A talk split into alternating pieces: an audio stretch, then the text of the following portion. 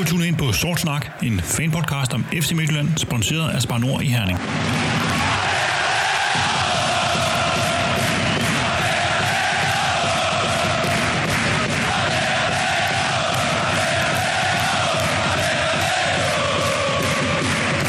Velkommen til verdenspremieren på Sorsnak Live, der sendes på det meget lokale radiostation her omkring MCH Arena, og så også samtidig på Facebook Live. Vi skal den næste time varme op til kamp mellem hele regionens hold, Danmarks suveræne nummer 1, FC Midtjylland og den gule far fra Horsens. Dagens kamp markerer, at ulvene genoptager jagten på det tredje nationale danske mesterskab, som vi håber ender lige her på MCH Arena om knap to måneder. Mit navn er Kent Nielsen, og normalt gør jeg mig i podcastformat, men i dag er der gået old school radio i den, og jeg skal forsøge at guide jer igennem den næste times tid. Her i øh, Sorsnak Live sætter vi fokus på genstarten af FC Midtlands guldjagt ovenpå den her coronanedlukning, som dansk fodbold har ramt af. Og hvad er det egentlig, det kommer til at betyde, at dagens kamp spilles på et tomt stadion? Om cirka et kvarters tid får vi besøg her i studiet af sportschef Svend Graversen, der kan sige lidt om status i FC Midtland inden de sidste 12 kampe. Og i den sidste del af programmet vil vi zoome helt ind på dagens kamp og hvad vi kan forvente fra både FC Midtland og Horsens side. Det er heldigvis ikke mig, der skal tale hele vejen, for her i vores fornemme studie i Jørgen af MTH Arena er der også blevet plads til to medfans, der normalt er trofaste deltagere i Sorsnak. Den første er dig, Patrick Raff. Velkommen til. Tak skal du have, Kent. Vi står jo her og, og kan kigge ud over MCH Arena, og vi kan nærmest lugte det flotte græstæppe derude. Hvor meget glæder du dig til, at vi endelig kommer i gang med at spille fodbold igen? Jeg glæder mig helt vildt. Det, øh, at kigge ud på banen her, den står snorlige. Det er det, vi har, har ventet på lige siden kampen i Randers, så det bliver fedt at komme i gang igen. Og hvad er dine forventninger til, til kampen i dag? Jamen, jeg forventer det, jeg vil kalde en premierekamp. Jeg forventer, at vi, øh, vi kommer til at se to hold, øh, særligt Horsens. Øh, man kommer til at se to hold, som, øh, som lige skal bruge lidt tid på at finde rytmen, lige bruge lidt tid på at, at komme op i gear. Og så forventer jeg, at, øh, at vi ser et, øh, et Horsens hold, som øh, måske kommer for at stå lidt dybt. Øh, men det ved jeg, vi kommer ind på senere. Godt. Den anden medfan, det er dig, Peter Krog. Velkommen til Sorsnak Live. Ja, tak. Normalt, når vi laver podcast, så er det jo typisk nogle dage før FC Midtjylland, de skal spille. I dag er det kun få timer før. Så hvilken fornemmelse står du med her i kroppen øh, cirka to timer før kick-off? Ja, i kroppen, der er nok lidt, uh, lidt sommerfugle uh, herop til, til kick-off, men, men jeg glæder mig helt vildt til, de kommer i gang. Og du er jo, du er jo kendt for at have mange gode kontakter i FC Midtjylland, øh, og så jeg har en lille udfordring til dig. Er, er du med på den? Jeg er altid med på en udfordring. Det er jo sådan, at øh, vi vil godt lave en rigtig god optag til kampen, men øh, problemet er, at vores udsendelse her, den slutter en time før kick-off, og det er jo der, hvor startopstillingen normalt bliver offentliggjort. Øh, men vi vil jo sådan set godt kunne diskutere FC Midtlands øh, startopstilling i den her udsendelse.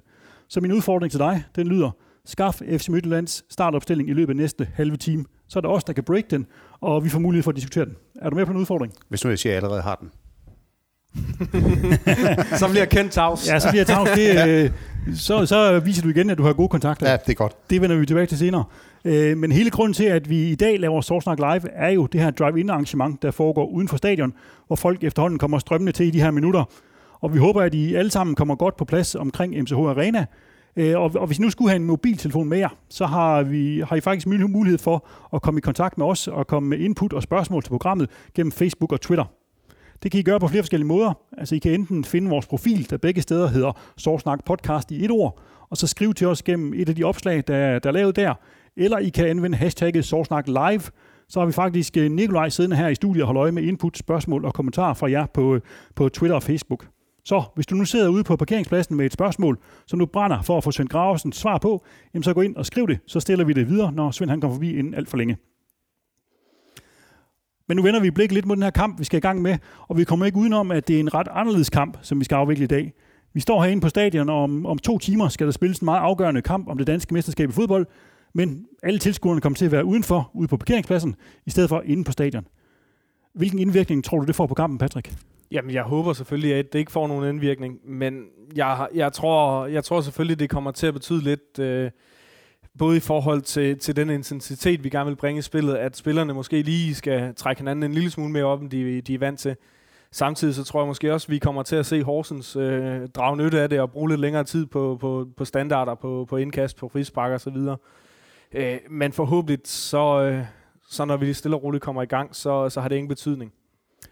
Hvor stor en ulempe er det egentlig for os som hjemmehold, at der ikke kommer tilskud på stadion, øh, Peter? Fordi traditionelt så har vi faktisk haft en massiv hjemmebane over, overtag mod Horsens. Altså når man kigger på det, så er det faktisk 14 år siden, vi tabte til Horsens på hjemmebane, og, og de sidste 10 gange, de kom på her, på MC Arena, der har de tabt, og vi har vundet. Øh, men giver det overhovedet mening at tale om en hjemmefor, hjemmebanefordel i dag, Peter? Det, det må tiden jo vise, om, om, om det er, men jeg forestiller mig også, at det nu spillerne skal vise, hvor professionelle de er, og, øh, og ligesom byde ind med, med det, de kan. Men der er jo nogle spillere, der lever mere af den energi, der kommer fra tilskuerpladserne end andre. Jeg håber lidt, at spillerne stadigvæk kan fornemme, at der er mange mennesker rundt om MCH, og, og det også kan give et boost eller et løft af en eller anden art.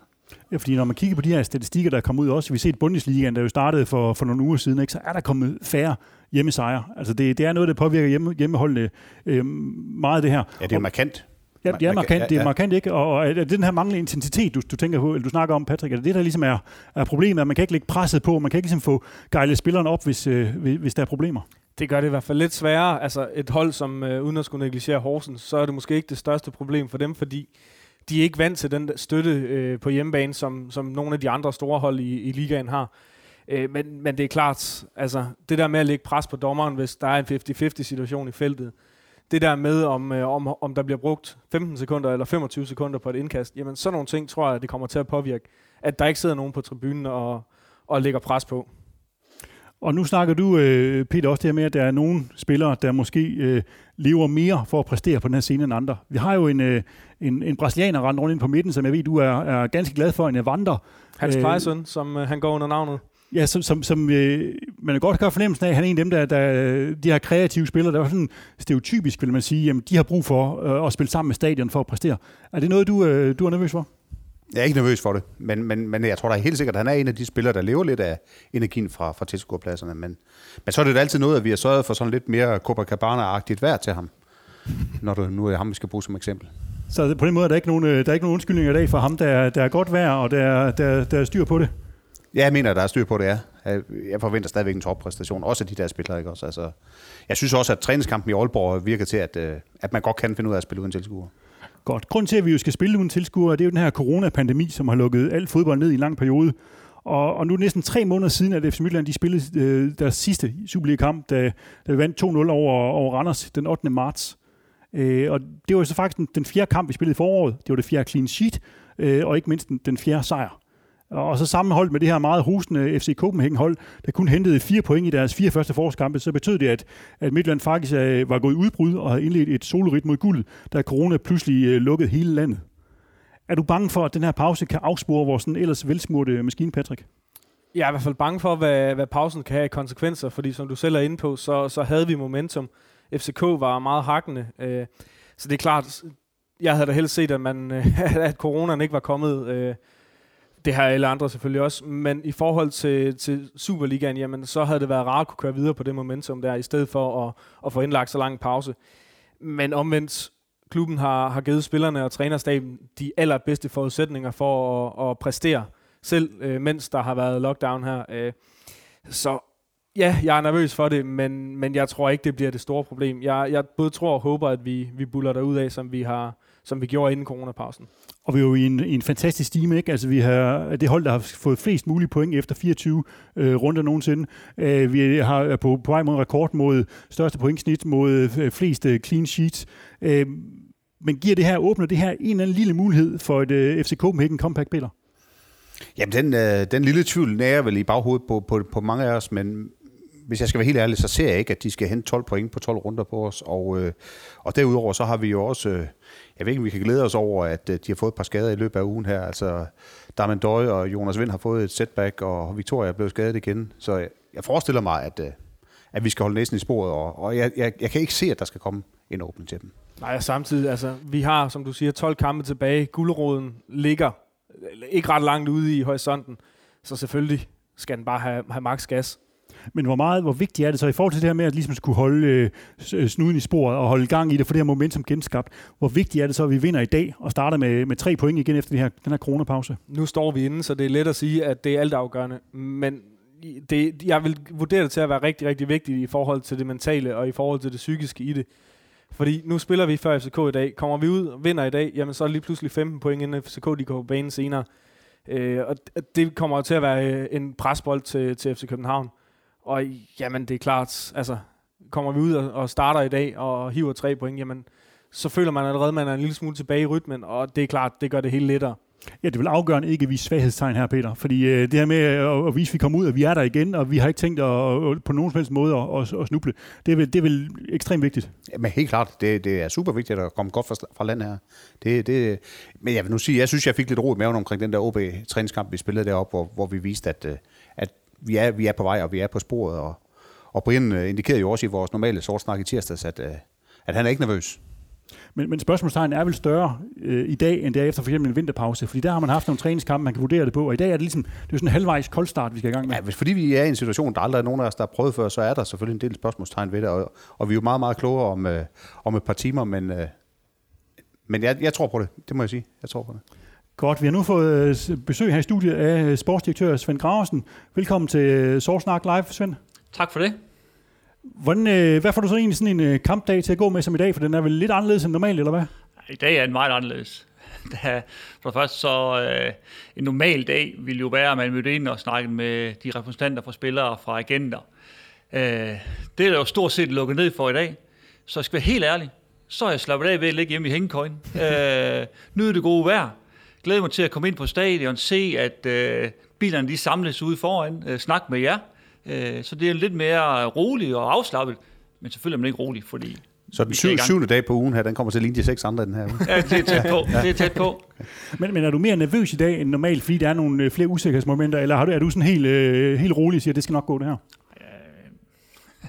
Selvfølgelig er man nervøs, og det er man mest, fordi det er jo en, en så lang pause, en, en pause, som man aldrig har oplevet før. Øh, så på den måde er man jo spændt, man er nervøs i forhold til, hvad er det egentlig, som vi bliver mødt med. Kulissen er anderledes. Øh, vi har et stort drive-in øh, arrangement ude foran. Hvad kommer det til at, at, at indvirke? Så, så er selvfølgelig nogle parametre, som er anderledes. Men når det så er sagt, så er jeg helt sikker på, at når vi øh, får fløjtet op, så er det fodbold, øh, så er det business as usual. Så skal vi ind, og så øh, skal vi sætte os på den her kamp, som jeg er sikker på, at det gør. Fordi der, hvor det giver mig en tryghed, det er, at spillerne har set virkelig skarpe ud. De har brugt den her pause godt. Trænerne har været rigtig dygtige til at få de maksimale ud af en situation, som var meget anderledes. I starten, hvor man kunne træne i små grupper, til nu her og, og kunne se effekten af at holde sig i gang. Øh, og har de har set virkelig skarpe ud. Jeg tror, de, der har set øh, træningerne, de, der har set træningskampen op i OB, øh, vi spillede en intern træningskamp i tirsdags. Det var højt niveau. Og, og hvis vi zoomer lidt ud, hvordan, hvordan føler du så, at I som klub er kommet igennem den her coronapause? Jeg synes, vi har... Det, er jo, det har jo været en, som jeg også sagde før, det, det er, og I har jo helt sikkert snakket om det også, det, det, er jo en, det har været en anderledes tid. Jeg synes, vi er kommet igennem den på den bedst mulige måde i et svært, øh, en svær tid. Vi har selvfølgelig haft mange medarbejdere, som har været hjemsendt, øh, og det har været vigtigt for os, at de også følte, selvom om de i, i en tid, hvor, hvor tingene anderledes, har følt sig lidt længere væk fra klubben, så er det vigtigt for os, at vi stadigvæk havde øh, kon- øh, kontakten til dem. Så på den måde har vi forsøgt øh, at holde, holde dem, der har været væk, også holde dem tæt på. Og så er det klart, øh, så har det jo nogle scenarier, og de scenarier har vi ikke oplevet endnu. Hvad betyder det for vores, øh, vores transfer? Hvad betyder det for spillernes øh, fysisk, men først og fremmest mentale sundhed? Og de svar, dem, dem, kan- dem får vi ikke endnu. Dem får vi først om to-tre måneder, måske endda så langt frem til jul, hvor hvis vi ser ind i et scenarie, hvor vi skal spille kontinuerligt ind til jul. Øh, Så der er mange spørgsmålstegn lige nu her. Ja, og noget, der har været, der har været stillet spørgsmålstegn ved, og som jeg også kan se ud fra de sociale medier, der er nogen, der, der spørger til det her skadesrate, fordi det er noget, der har været en del snak om, om det her det betyder øgede skader. Og nu har vi sådan fået tre skader her i, øh, inden for den sidste periode her, ikke? Altså med, med Isaksen og, og Kuhls og Ronny Schwartz. Øh, er det noget, som, som, som har noget med det at gøre, eller er det sådan øh, tilfældige slagskader? Eller? Det er, det er sort uheld.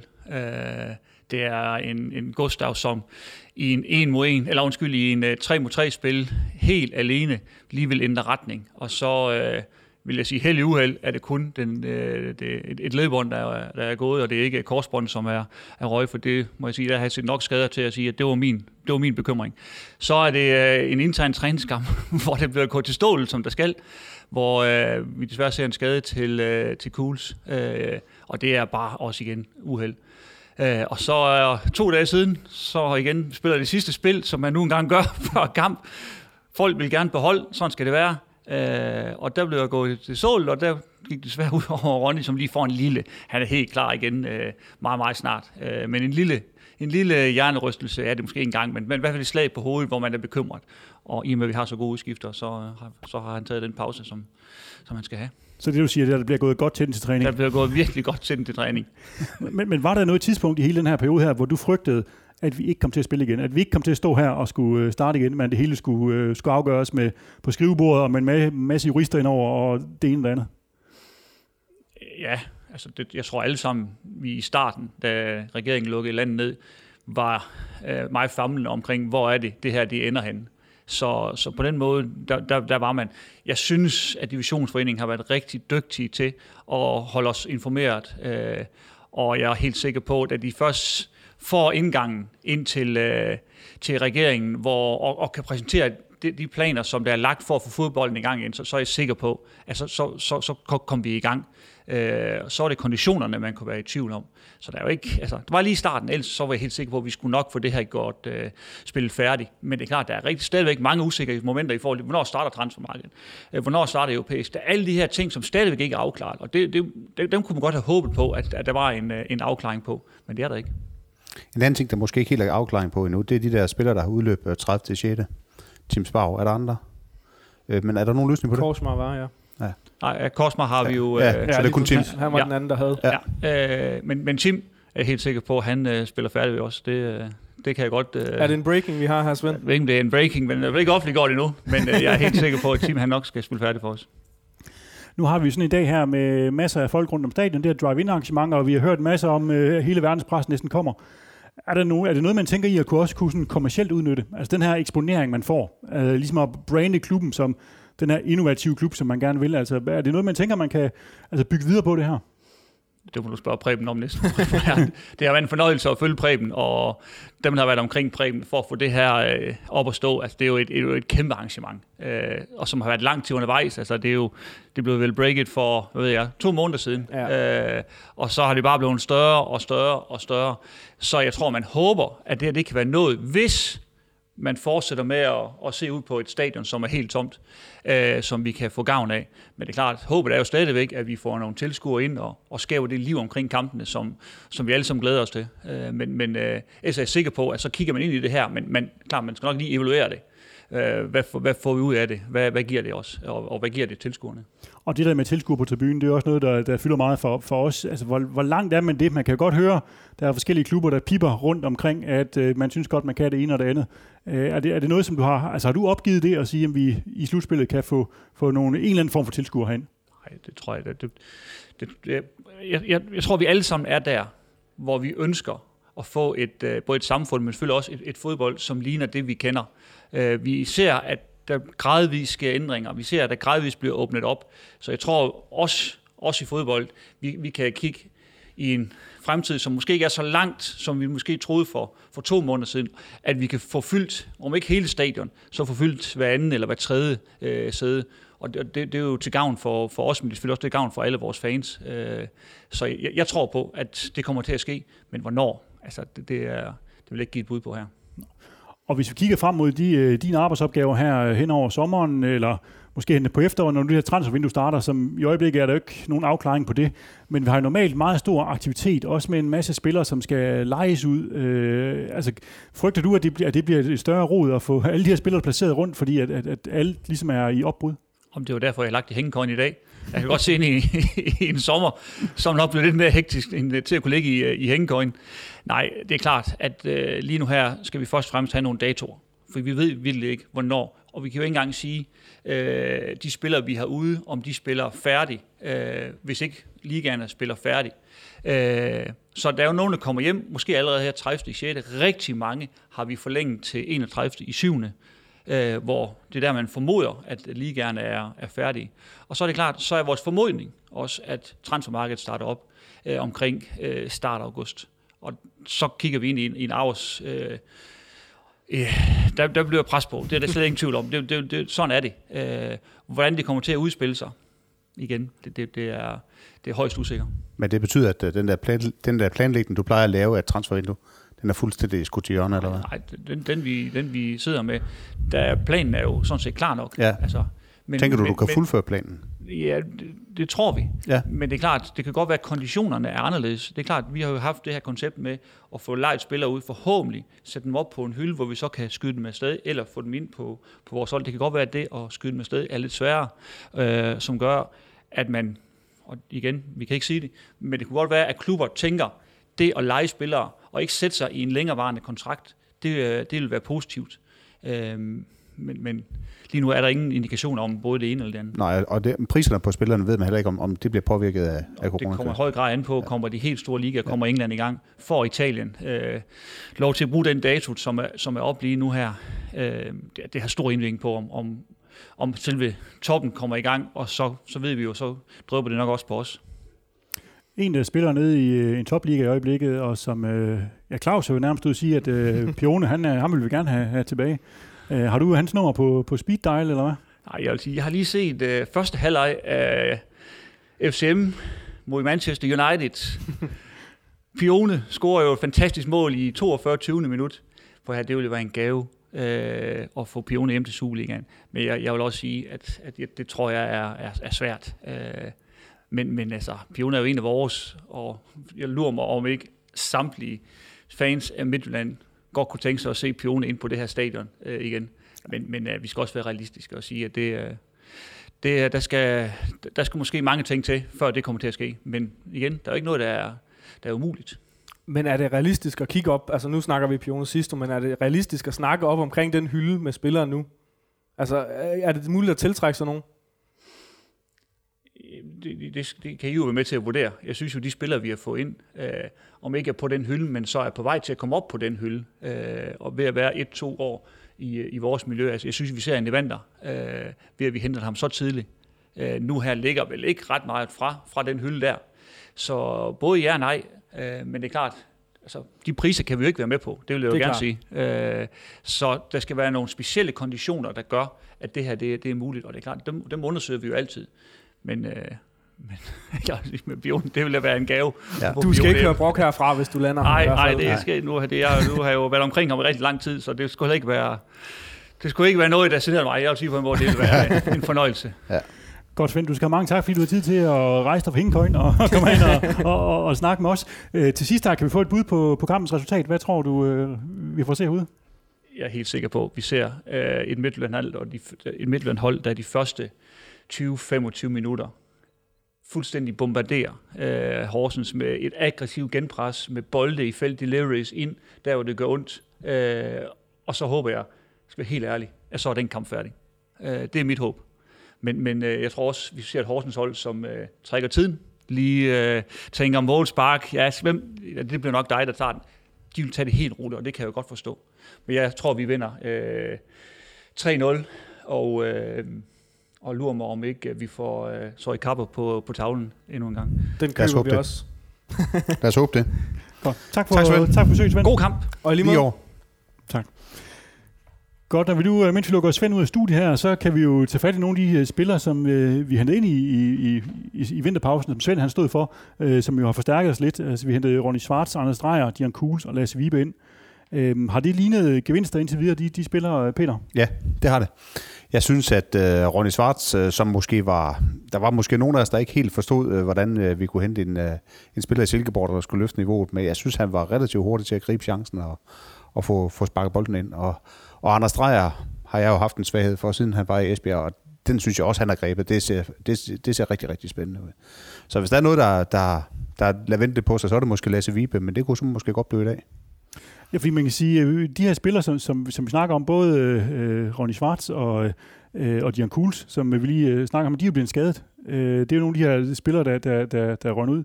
Øh, og, men det er vel spillere, som vi i dag ville forvente skulle ind på banen, lige meget hvad. Altså det er jo, det er jo altså også Gustav Isaksen, som kom ud med en skade.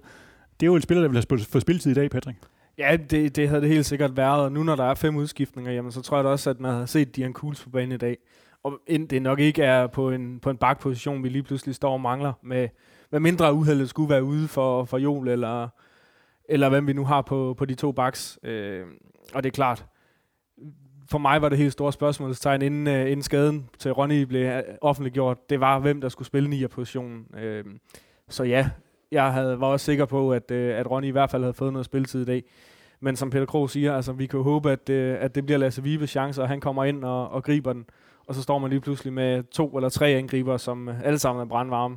Og hvis vi tager fat i øh, netop øh, Ronny Schwartz, så har han jo scoret øh, to mål for os allerede, og det gør han over på en total øh, i 14 her i sæsonen, og gør jo ham til, til vores topscorer, i, og, og også på jagt efter ligatopscoren, hvor Kamil Vilcek, øh, som ikke er her længere, ligger med, med, med 17 mål. Så han, han er vel et godt bud på en, øh, på en liga-topscorer, Peter? Hvis han kommer hurtigt tilbage, så er han et godt bud på en liga-topscorer, og, og der er der noget, der tyder på, når Svend han siger, som han gør, at han er relativt hurtigt tilbage. Så ja, helt klart. Og så ved jeg jo, at I elsker quizzer, så, øh, så jeg har taget en lille, en, en, lille en med til jer her, mm. fordi øh, nu har han jo mulighed for at blive øh, liga-topscorer øh, som FCM-spiller. Hvor mange spillere har vi haft FC Midtjylland, der er blevet en topscorer i Superligaen? Vi har haft Martin Pusic. Pusic. Ja, Pusic, ja. Ja. Har vi haft mere? Har vi haft en af de tidligere sæsoner? Tidlige sæsoner? Morten den? Skovbo, måske? Ja, Morten Skovbo, ja. Nej, Nej. vi skal tænke større. Altså, Mohamed som i Zidane? højre. Nej, som i uh, Mohamed Zidane, som, ja. som Patrick siger. Det sagde jeg jo.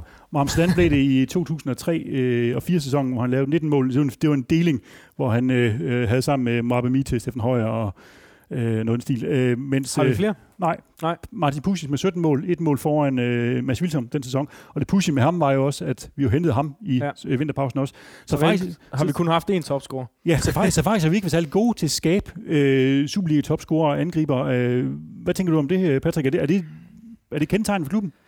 Det ved jeg ikke, om det er. Øh, man kan sige, for mit personlige vedkommende, så skulle sådan set lige meget, hvem der scorer målene, så længe vi får dem scoret. Øh, og jeg ved godt, at i efteråret havde vi måske lidt problemer med at, at få sparket det hele ind i kassen. Men altså, om det er Erik efter en dødbold, eller om det er, er den samme angriber, der scorer øh, hver kamp, det betyder ikke så meget for mig, må jeg blankt tilstå. Øh, og samtidig, så hvis man kigger på vores spillestil, jamen så har vi jo altid haft mange individualister spillere, som kunne gøre noget på egen hånd. Øh, blandt andet en pione, som vi lige har snakket om. Øh, og det gør bare, at målene de kommer flere forskellige steder fra. Øh, så det, det er jeg ikke så nervøs for. Det gør jo også bare, at man er mindre sårbar. Altså, når man kigger på Silkeborg, der siger farvel til Ronny Svart, som har leveret alle de mål, ikke også? Jamen, hvordan er- erstatter man en spiller, der leverer så godt?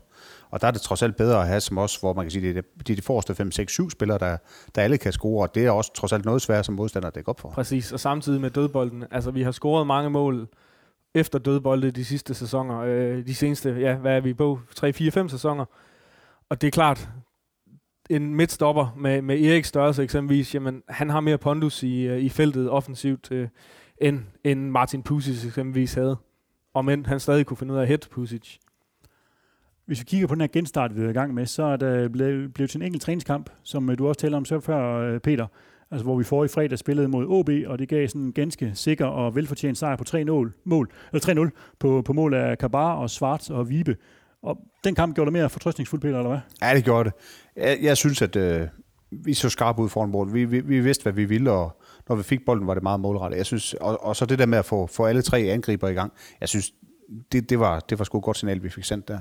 Enig, og potentielt kunne vi jo egentlig have scoret flere mål. Jeg ved godt, at, øh, at de oppe i Nordjylland med deres sølvpapirs hatte på, måske vil sidde og sige, at vi stiller med, med hele U17-holdet og har 4 U10 spillere med. Øh, men vi vinder 3-0, og vi skaber chancer til mere, og, og der er mange tegninger til noget godt i den kamp. Øh, og det er egentlig også det, som, øh, som beroliger mig lidt, inden, øh, inden Horsens står herude senere.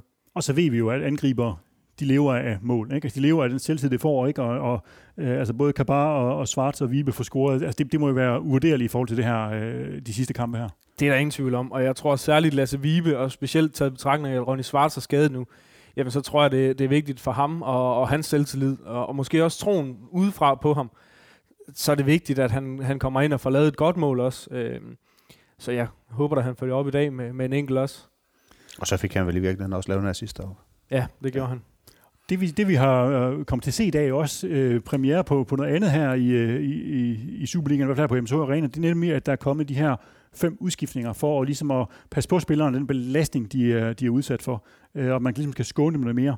Øh, og det er, vel, det er vel en fordel for, for klubber øh, som os, med en bred trup, øh, at vi må bringe flere spillere i, ind i løbet af kampen, Peter. Jamen helt klart. Altså når man har en stor trup med meget kvalitet på, på mange pladser, så er det jo en fordel, at man ligesom kan spare uden at gå for meget ned øh, i kvalitet. Så helt klart, det er, det er klubber som os, og det er FCK, og måske til nød AGF, ikke? Øh, der, kan, der kan drage glæde af det. Tror du, at, at vi får set sådan en større øh, taktisk fleksibilitet på grund af det her, Patrick, hvor man ser nogle to- og tre dobbelte indskiftninger, øh, hvis man skal ændre noget øh, undervejs i kampen, og måske allerede i pausen lave nogle flere justeringer, fordi man ikke på samme måde brænder jo, øh, udskiftningen af og står og mangler dem til sidst?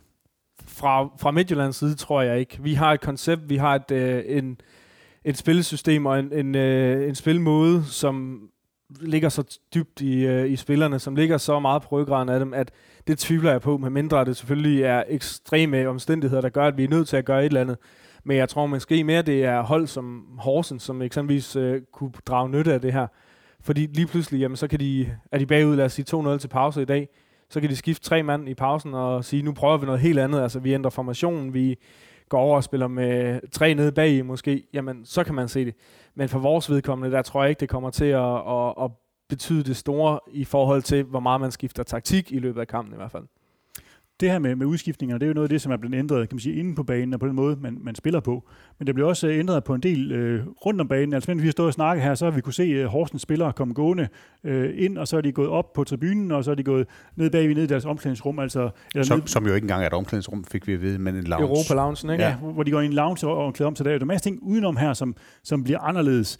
Øh, Tror I, det kommer til at påvirke øh, spillerne, øh, eller er det mest også udenom, der lægger mærke til alle de her ting, når det først er i gang? Med? Ja, der, der, man siger jo altid det der med, at der er mange fodboldspillere, der er sådan lidt semi-overtroiske og gerne vil have, at tingene er ligesom de plejer. Og det kan da godt være, at der er nogle af dem, der har lidt, de skal arbejde med der, men øh, når kampen er i gang, så tror jeg altså ikke, det har den store betydning.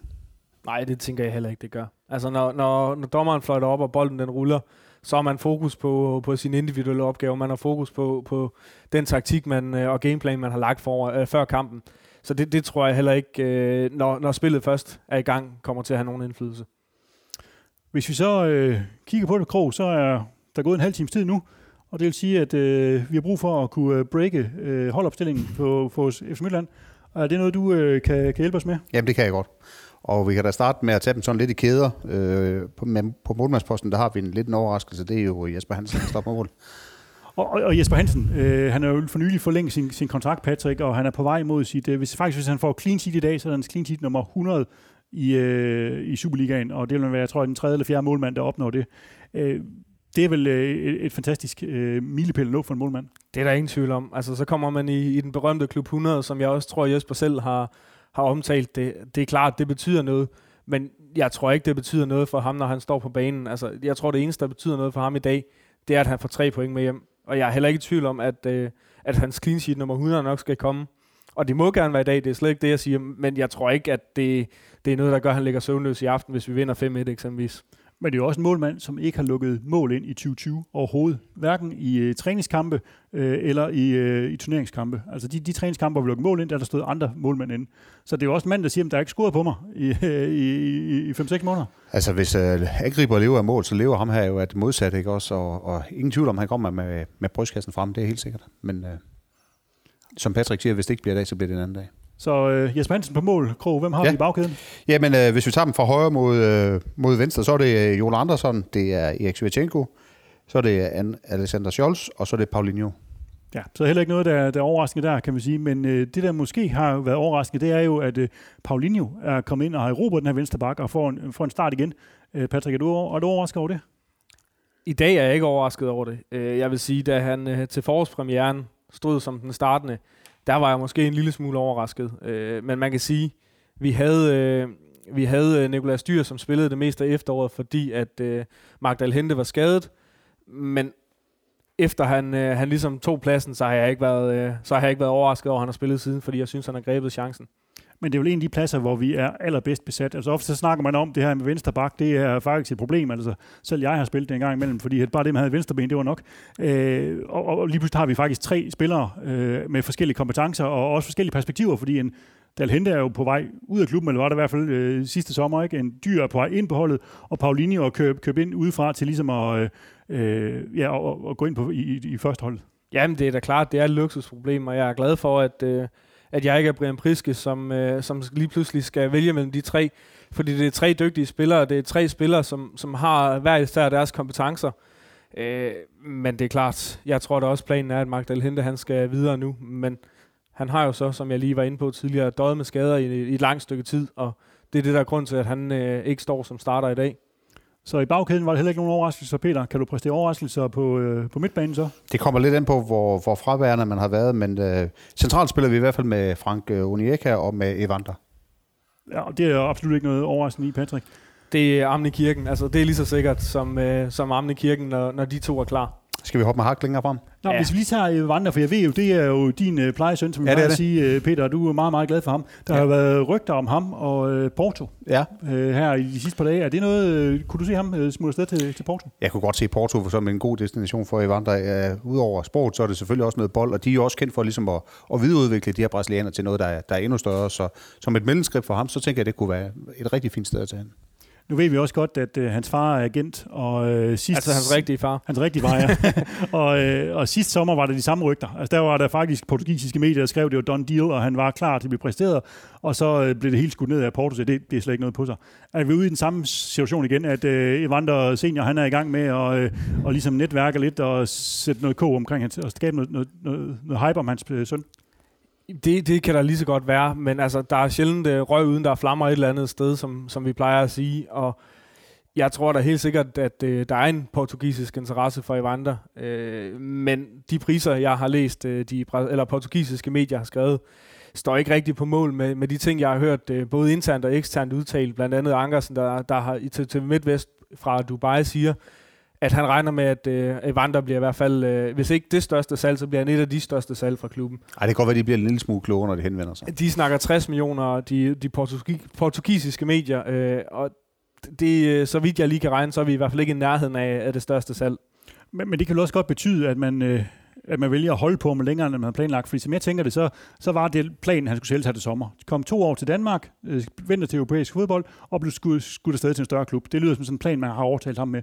Men på grund af det her corona, øh, så kan man måske ikke få de priser, man vil have. Så, så det gør vel, at vi måske kan, kan beholde ham. Det kan sagtens være, at øh, Evander spiller her til, til, øh, til januar, vinduet åbner, og øh, måske tager et, et, et europæisk eventyr med, med, med klubben her. Det, det kunne man godt se for sig. Godt, så, så Frank Men, og Evander på, øh, på midten. Øh, og hvad har vi så foran dem? Så har vi Eva Mabil, Anders Dreyer og Michael Andersson. Igen ikke ligefrem øh, det helt store øh, overraskende der. Altså for dem, der har set uh, træningskampen op i Aalborg, eller måske bare har læst data fra den, så er de nok heller ikke helt vildt overrasket over, at uh, Sori Karbar spiller på toppen. Så det er ren copy-paste fra, fra Aalborg-kampen. Det er copy-paste for Aalborg, og det er vel også det, du havde forventet, Patrick? Ja, det var det, øh, som vi var inde på tidligere. Nu er Ronny blevet skadet, øh, og det var der, jeg havde de største spørgsmålstegn. Men i forhold til, at vi møder Horsens, som, øh, som vi forventer kommer til at stå dybt, og hvor det måske bliver til tider mere et slagsmål, det bliver poleret og flot fodbold, så giver det mening, at man har øh, sin, sin muskelmand øh, inde i feltet. Ja, fordi Kabar er jo i virkeligheden overraskelsen her. Fordi øh, jeg er sådan enig med dig, Patrick. Jeg havde også tænkt, at øh, Ronny Schwartz han var, øh, var første valg, og Kabar han ligesom mistede si, sin plads. Øh, men nu kommer han ind ligesom og, og, og kommer ind i startopstillingen, og den gjorde det mod, jo også mod OB i træningskampen, hvor Ronny Schwartz ikke var skadet.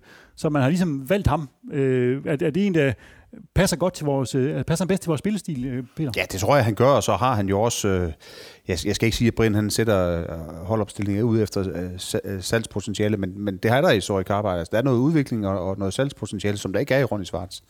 Og, og jeg ved godt, at øh, mesterskaber har selvfølgelig første fokus, men så stor er forskellen måske heller ikke over. Og Sori Karbar har jo fået scoret i de her kampe op til både i den interne træningskamp og i Aalborg-kampen. Ikke? Og han er jo, han er jo klubbens dyreste indkøb nogensinde, Patrick. Så, så på den måde, som, som Peter siger, så er det vel også vigtigt, at han, at han kommer i gang, og man, øh, for, for, ja. Ja, selvfølgelig er det vigtigt, men jeg tror, det er vigtigere for, for Claus og for Svend, som vi lige har på besøg, end det er for, for Brian Priske. Brian Priske er ansat til at vinde fodboldkampe, og hvis han mener, at det er Lasse Vibe eller Ronny Schwartz eller en helt tredje, der er den bedste mand til at, at løfte den opgave, så er han så tilpas ligeglad med alt andet, at han stiller med den bedste mand. Men det er måske også derfor, vi kan føle os rimelig trygge ved, at det så er Sori Karbar, fordi så er det, fordi han har valgt det. Præcis. Og man kan sige, at Kabar, vi har jo snakket om ham mange gange i vores øh, podcast, at han, har jo, han er et fysisk monster, øh, men har jo nogle udfordringer med sine øh, nogle gange beslutningstagninger, hvor han sparker nærmest fra midten, og også hans øh, afslutningsevner, der måske ikke er, er helt top-notch. Men, og det er vel det, han skal forbedre, Patrick, hvis han skal øh, blive den her topscorer, som, som, øh, som vi ikke øh, producerer så mange af. Det er der ingen tvivl om, og specielt når vi, øh, når vi snakker så meget øh, expected goals, og vi snakker shot locations og videre, som man gør i Midtjylland, så er det klart, det er det, der skal være fokuset.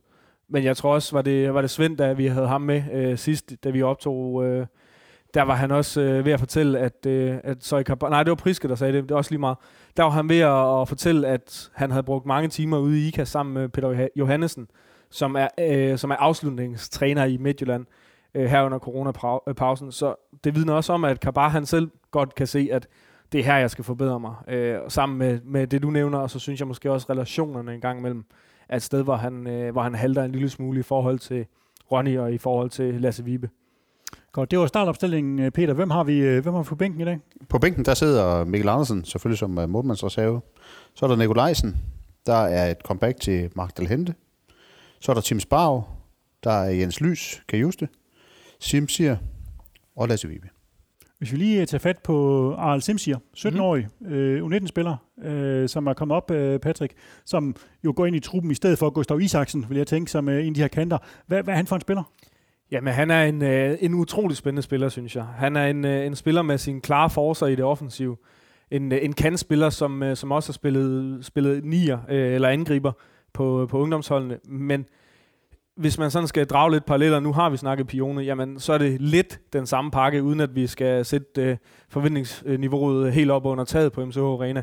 Men så er det en spiller, som kan noget en mod en offensivt. Det er en spiller, som, øh, som bare glider af på sine modstandere. Jeg synes også, altså, hvis man har set nogle af træningskampene fra Dubai, hvor han, øh, der viser han jo i princippet meget godt, hvad han står for. Øh, og, og det er jo klart, en spiller med et kæmpe potentiale. Men det er også en spiller, som, som har plads til nogle, øh, nogle forbedringer i forhold til det defensive, i forhold til det der med at spille som et hold. Det, øh, men helt klart, det er en spiller, jeg håber, øh, vi får lov at se i dag, fordi han kan, han kan altså sætte en bak øh, på plads og gøre ham rundt også. Han er vel det tætteste, vi kommer på en under sidste lige i øjeblikket. Ja. Altså super antrit, han kan gå begge veje og kæmpe potentiale, synes jeg. Præcis. Det ser super spændende ud. Og, og jeg vil gætte på, at øh, han har været på bænken en gang tidligere, uden at komme ind, men i dag med fem udskiftninger. Og når man kigger på truppen, altså der sidder, øh, eller på bænken sidder Simsi og Vibe som offensivspillere. Øh, og det er jo typisk der, man vil skifte, og man vil også typisk skifte nogle kanter, fordi de godt løber tør for energi. Øh, altså jeg vil næsten garantere, at han kommer i spil i dag. Altså det skal gå meget skidt, tænker jeg, hvis, ikke han, hvis han ikke kan komme ind. Jeg tror også, at den er risikofri, den garanti der. Ja, det, det tænker jeg også, at den er forholdsvis billig, men jeg vil sige, jeg håber, han kommer ind, og jeg håber, han får mere end 5, 6, 7 minutter. Jeg håber, han kommer ind og får i hvert fald 20 minutter, øh, fordi det er en spiller, som virkelig kan noget på egen hånd. Og så har vi jo øh, en Tim Sparv siden derude også, som øh, øh, Svend lige breakede mere eller mindre, at, øh, at den er på plads, den ekstra måned, den ekstra måned til ham. Det er jo en spiller, som øh, skal ind og, og vise nogle rutine, hvis han kommer ind, fordi han har jo ikke, øh, han har, ikke, han har mistet sin startplads. Jamen, det har han ingen, øh, det er der ingen tvivl om. Øh, eller om han har mistet den, det ved jeg ikke, eller om det måske mere er, er Evander og Frank, der har overtaget den og erobret den. Øh, men det er klart, Sparv, hvis han kommer ind i dag, skal ind og bidrage med det, han plejer at bidrage med. Han skal ind og, og prøve at vinde nogle bolde. Han skal ind og, og være leder ind og sørge for, at den defensive struktur er i orden. Og han skal ind og vinde, øh, vinde nogle, øh, nogle nærkampe. Og man kan sige, at Sparv sidder Jens Lys derude, som jo dækker lidt den samme position af den centrale midtbane. Er en mere dynamisk spiller. Øh, en spiller, som, som i min verden er langt bedre på bolden end Sparv, men måske i forhold til det her erfaring, altså som Spav har i forhold til at placere sig rigtigt og sådan noget, har nogle mangler, men en spiller, som også erobrer mange bolde, men først og fremmest, så synes jeg, at en af hans helt store forser er, at han kan finde ud af at vinde med bolden. Altså han kan vinde på en modstander. Lige pludselig kan man spille over første presset ved at spille den op på ham, og han vinder af på dem.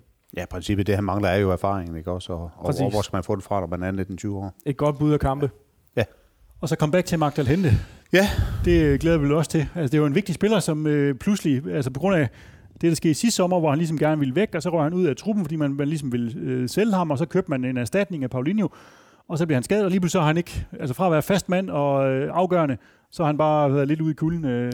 Han er jo lidt af en fanfavorit, og der er jo mange, der har glædet sig til den tid, hvor, hvor Mark han vender tilbage, og det kan jo så være i dag, han, øh, han dukker op ved bagerste stolpe. Nu må jeg se, kan kommer huske, øh, sidst han var på besøg, eller Horsens var på besøg her i Herning, der havde øh, Mark Dahl hentet der en forholdsvis vigtig, ikke fod, men hoved i den kamp. Var det den dag, du sad og tudet? Jeg græd måske lidt, ja. Godt, hvis vi netop vender os mod dagens modstander Horsens, så har vi jo talt om, at det er en af vores absolutte yndlingsmodstandere, som vi normalt har et, et fremragende tag på. Og på papiret, på papiret her, så ligner det jo også en sådan relativ om, overkommelig opgave. Ikke? Horsens ligger nummer 10 i tabellen, 34 point efter os på førstepladsen. Og deres forår, det har budt på tre nederlag, og så en enkelt sejr. Det var så tilgængelig i parken over FC Copenhagen, så den var øh, rigtig glad for, at den kom. Øh, men hvad har, hvad har Horsens været for en størrelse i den her sæson, Peter? Jamen, Horsens er jo, øh, er jo Horsens, altså det er jo, det er jo hårdt arbejde og massivt, øh, massiv fysik, altså øh, de, de, det er jo det, de dyder, de har at spille på. De har relativt lavt budget, og det får de egentlig relativt meget ud af, synes jeg, selvom du siger, at de er mange point efter os, så, så er det altid en modstander, der er svær at spille imod. Og de har jo haft øh, svært ved at score mål i år, øh, Patrick. De har scoret 21 mål. Øh, det, er vel, det er vel ikke godt nok, kan man sige. Nej, det er jo meget simpelt. Det er ikke godt nok, men som Peter er inde på, han snakker budgetter, og som vi lige har snakket om, kan bare vores dyreste indkøb. Man kan godt koble dem sammen og måske konkludere, at offensive spillere, spillere som afgør kampe med mål og assist, er dem, der for det første er dyrest, men også dem, der er sværest at finde. Så det hænger meget godt sammen, vil jeg sige. Øh, samtidig så har Jannik Pohl, som, ja nu skal vi passe på, hvad vi siger her, men notorisk har været øh, totalt ufarlig. Og, Pivring. Øh, det var dig, der sagde det. Jeg synes egentlig, øh, han kommer frem til meget, men der mangler måske lidt i forhold til afslutningskvaliteten. Men både ham og Nikolaj Brock Madsen har været ude, så det vil sige, de har spillet med, med en, en serbisk midtstopper, de har lejet ned i Belgien øh, som angriber i foråret. De har spillet med, med en hurtig højre bak øh, helt fremme. Altså, så man har været ude i nødløsning på nødløsning på nødløsning, og det er klart, det, øh, det gør det sværere at score mål. Og de har kun fået tre sejre på udebane. Altså nu har vi godt snakke om det her med hjemmebane udebane, betyder selvfølgelig ikke så meget øh, i dag nødvendigvis. Men hvis vi kigger på de tre sejre, de har fået, der var selvfølgelig den obligatoriske over Silkeborg, den vinder alle over. Øh, men så har de faktisk vundet over Brøndby og FSK, som vi lige snakkede om tidligere. Så vi skal vel passe på med ikke at undervurdere dem og sige, det her det er et Horsens hold, der ikke kan score mål, og de ligger langt ned i tabellen. Vi har et godt tag på dem, vi ikke tabt til dem i 16 år. Det her det bliver en walkover. Det skal vi vel passe på med. Ja, det må man aldrig sige i fodbold, fordi hvis man går ind til en kamp og tror, det er en walkover, så er du bagud allerede. Fordi Horsens kommer her ind, og de ved godt, de har ikke noget at tabe. Altså, de, har, de kan kun overraske, når de kommer til Herning. Og det er også deres mindset i dag. De kommer for at overraske. De kommer for at gøre livet surt og træls for os. Og hvis man så begynder at undervurdere dem, og ikke er der 100%, jamen det, det er svært at hive sig selv fra, fra 80% eller 90% op på 100%. Så man må aldrig undervurdere en modstander, og slet ikke Horsens. Det kan Brøndby måske godt øh, godkende og bekræfte. og Horsens de har jo håndteret coronapausen meget anderledes, end vi har gjort. For, for mens vi har holdt spillerne i gang i hele perioden, siden ligaen blev lukket ned, så har de haft deres spillere hjemsendt i halvanden måned, og, og de har valgt ikke at spille nogen testkampe her i, i genstarten. Så de bør vel være lidt mere rustne end os, Peter? De bør være med, noget mere rustne. Altså, det, det må man formode, at de er noget mere rustne, end vi er som du siger, altså ingen, ingen træningskamp, men en enkelt intern træningskamp, det tror jeg, det er, hvad det er blevet til. Ikke? Også, og, Som var helt lukket for omverdenen. Ja, og igen øh, har, de, har de fravalgt det på grund af økonomi, ja, fordi de her coronatest havde man ikke rigtig penge til. Så helt klart, det, det, det må også sidde i hovedet på spillerne, at, at der kommer et hold, der er mere bedre forberedt, end de er.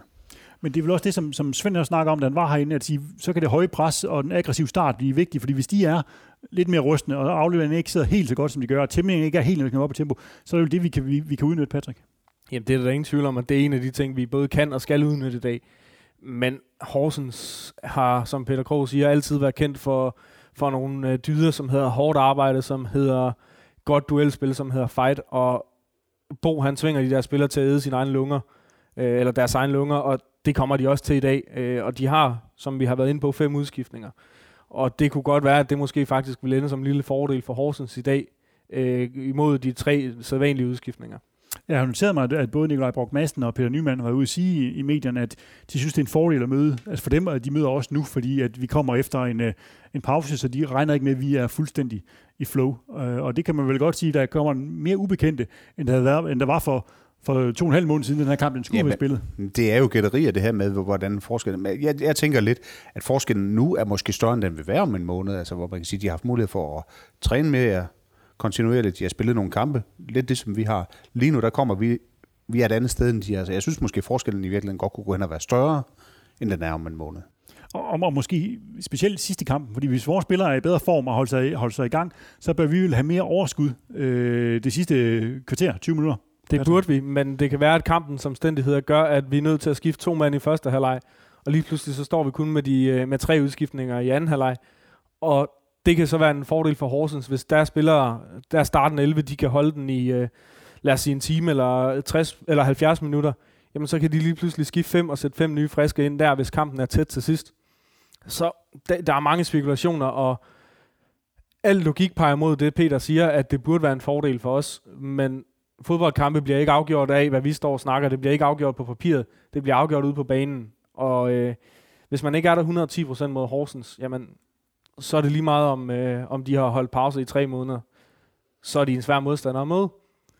Og, og hvordan tror du, hvordan forventer du, at Horsens vil øh, gribe, gribe kampen an, Patrick? Jamen, jeg synes lidt, Svend var inde på det. Jeg tror, jeg tror Horsens kommer for at stå dybt, for at egentlig at forsvare øh, det ene point, de, de starter kampen med. De kommer for at, at gøre livet sur for os, som jeg siger. Øh, de kommer for at, at bare stille sig ned, øh, og så kan man sige, så er det op til os at, at åbne dem, blandt andet med, med nogle måske lidt mere direkte bolde op mod Kabar.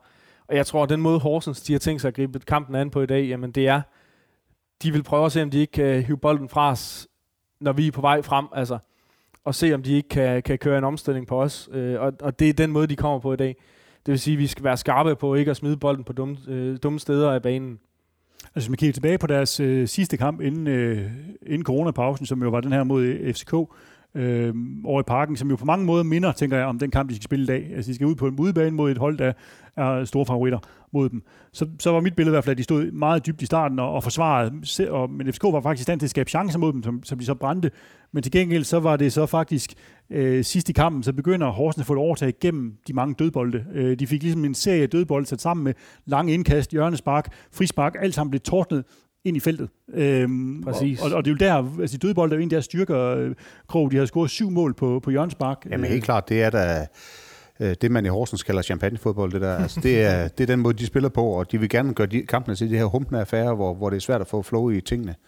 Øh, og, og det er så vores opgave at sørge for, at, at det får de ikke held med. Præcis. Ja, så, så det er vel vores udfordring, det er, at vi skal undgå, at, øh, at Horsens øh, lykkes med at ødelægge kampen. Altså Ja. vi skal holde flow, tempo, intensitet. Præcis. Så er vi vel et bedre hold på alle pladser. Jeg hørte Mediano øh, Superliga Preview, tror jeg, de kalder den der, hvor, hvor de sagde, at Horsens øh, kommer med fysik, fysik og tempo, men alt det, de kan, kan Midtjylland bedre, selv med en appelsin. Og det tænker jeg også, at det, jeg, jeg ser, at, øh, at vi bare er et bedre hold på alle parametre. Og samtidig så er det vigtigt, øh, som jeg også mener, Svend var inde på, vi skal, vi skal sørge for, at vi ikke giver dem frispark, vi skal ikke give dem unødige indkast eller hjørnespark. Fordi hver gang de får muligheden for at t- tage 15-20 sekunder ekstra i kampen, så kommer de til at gøre det i dag. Og som vi snakkede om tidligere, når der ikke er noget pres fra, fra tribunerne, jamen så bliver det svært for dommeren at, at håndhæve ekstra hårdt i dag. Det vil sige, ingen åndssvage frispark, ingen latterlig hjørnespark, og lad være at give dem indkast, hvor de kan, hvor de kan kaste den øh, fra, ja, fra Varte til Ribe, eller hvad det er, Bo Henriksen plejer at sige. Men netop det her med ligesom at få intensitet og tempo ind i kampen, det er jo noget af det, som man kan sige, tilskuerne normalt kan hjælpe til med. Øh, og vi ved, der var en Bo Henriksen, som snakker meget om over i parken, at han havde brugt masser af tid på at stå og råbe og skrige. Det var en helt bevidst, han gjorde det for at opildne spillerne. Altså, det er vel det, der kan blive vores akilleshæl her, hvis ikke vi er i stand til at holde det der tempo og intensiteten. det er der da ingen tvivl om, at, at det bliver den helt store udfordring i dag. Og det bliver både i forhold til lungekapacitet, men det bliver så sandelig også i forhold til det mentale, og hele tiden holde sig selv 110% skarp, når der lige netop, som du siger, ikke er det her pres fra tilskuerpladserne. Og vi har jo ikke øh, Horsens startopstillingen, Patrick, fordi at, øh, de har været noget mere øh, hemmelige øh, omkring alt. Vi har ikke nogen øh, træningskampe at gå ud fra, og øh, Bo Henriksen sagde også bagefter, jamen det var fordi, vi vil ikke vise, hvad det er, vi vil arbejde med mod, øh, mod Midtjylland. Øh, men kan du ikke hjælpe os lidt, øh, Patrick? Hvem er det, vi skal holde øje med? Jeg har, jeg har sgu desværre ikke lige så gode kilder i Horsens, som, øh, som vi har her i klubben. Men jeg har et, øh, et bud på deres startopstilling, øh, og det bliver sådan lidt af det samme. Altså, som, som jeg, ikke- du har ikke været inde på det, men øh, Okosuna og Bjarke Jacobsen, som var de to helt store profiler over i parken mod FCK, er begge to ude med karantæne. Øh, de havde øh, måske kalkuleret lidt med, at vi skulle, de skulle til Herning ugen efter, og har en vigtig kamp efterfølgende, og måske prioriteret at sige, jamen vi vil hellere have de spillere klar til den kamp. Så dem er vi uden, øh, eller dem er Horsens uden. Og, og, og det er vel en kæmpe fordel, øh, Peter, fordi øh, altså, Okusun, han er vel sådan prototypen på en Horsens-spiller. Han er stor, han er duelstærk, han er jo, jeg tror, de sidste tre sæsoner har han været den spiller i ligaen, der har vundet flest dueller hver eneste sæson, så han har været, han har været ekstremt vigtig for deres spilstil, øh, hvor de gerne vil komme over kanterne og smide noget ind i hovedet på ham. Så det er vel en kæmpe fordel. Det er en kæmpe fordel, og, og lige de der dyder, som du siger, det er jo typisk Horsens dyder. Han, øh, han, han er en rigtig Horsens spiller. Og sjovt nok er det også det, vi købte ham på, det er de der Horsens dyder, ikke også? Men, øh, men ja, det er da en kæmpe fordel for os, at de ikke har deres bedste spillere med. Og, Og, og, og hvordan løser de så den? Jamen, øh, jeg tror, at det bliver en til en. Altså, de tager Halvor Hansen, smider ind centralt. Halvor Hansen, som i øvrigt er en af dem, man skal holde lidt øje med. Øh, hvis man ikke kender ham, så er han meget øh, energisk og dynamisk øh, central midtbanespiller, eller kantspiller, øh, som mm, står for det, Horsens står for. Altså hård fight, Øh, og så finesse kommer efterfølgende. Men han har noget finesse. Han er en spiller, som kan en lille smule på egen hånd også. Øh, og så har de kantspilleren Luca Prip, som, øh, som blandt andet har lavet en, øh, hvis Paulinho ikke havde smadret den ind mod Sønderjyske, så havde han øh, kandideret til årets mål over i Lyngby. Øh, fremragende venstre ben. Også en spiller, som kan, kan sætte, en, sætte sin direkte modstander en mod en. Slår gode dødbolde. Slår gode dødbolde, ja. Øh, så sådan, hvis man lige skal hive to ud, så vil jeg sige, det er de to. Øh, og så har de jo højst sandsynligt Nikolaj Brock med. Øh, en spiller, som man måske slår sig mere på, end man, øh, man sidder og savler over og se, hvor ligger han spiller fodbold. Ja, de har i hvert fald fået to angriber klar igen, fordi man kan sige, for to og en halv mål siden, da vi skulle spille, der havde de ikke nogen angriber klar, men, men både Jannik Pohl og, og Nikolaj Brock Madsen er ligesom blevet meldt klar i hvert fald op til kampen her. Øh, så det giver vel øh, øh, dem lidt flere muligheder offensivt, når vi snakker om, at de ikke scorer så mange mål. Øh, men samtidig er det jo meget, to meget forskellige angrebstyper, ikke? hvor Jannik Pol er en dybdeløber, hvor man skal passe på bagrum, så Brock Madsen er mere sådan en øh, stor fysisk øh, angriber, der får en mere lige på. Jamen, jeg synes faktisk, at Jannik Pols største spidskompetence er hans presspil, hvis vi lige skal, have, skal fratage ham det pæne, de pæne ord, du siger.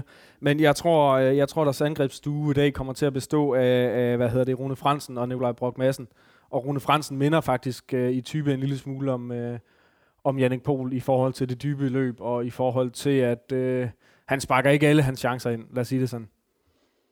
Så det er ikke noget, øh, det er ikke noget vi skal være, være bange for, det her? Det er klart, når man spiller med en angriber, som, som er vokset op som angriber, han ved, hvor målet står. Han ved, hvordan man skal agere i feltet i modsætning til en, øh, i modsætning til en, en servisk midtstopper. Så det er klart, at det giver dem da måske en lille fordel, men jeg tror også, at både Scholle og Erik Svirchenko øh, er så gode, at de har styr på ham.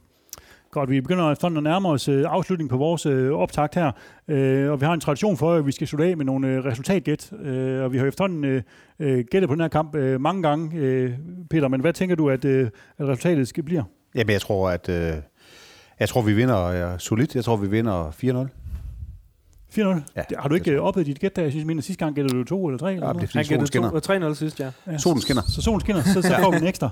Og øh, hvad med dig, Nikolaj? Jeg Nej, Patrick, undskyld, men, Patrick. Udover det, så, øh, så øh, gættede jeg 3-0 sidst, da vi sad og optog, og det er også mit bud i dag. Jeg tror, at vi får et mål fra Kabar, og så tror jeg, at vi får et mål fra øh, Lasse Vibe, og så lad os øh, sige, at Vanders bakker ind, ind på langskud.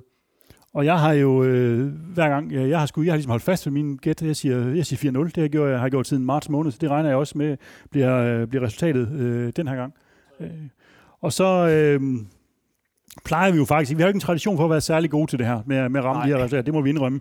Øh, og der sidder garanteret nogen øh, ude på parkeringspladsen ude, som tænker, at det, vi, det er vi faktisk meget bedre end, end jer.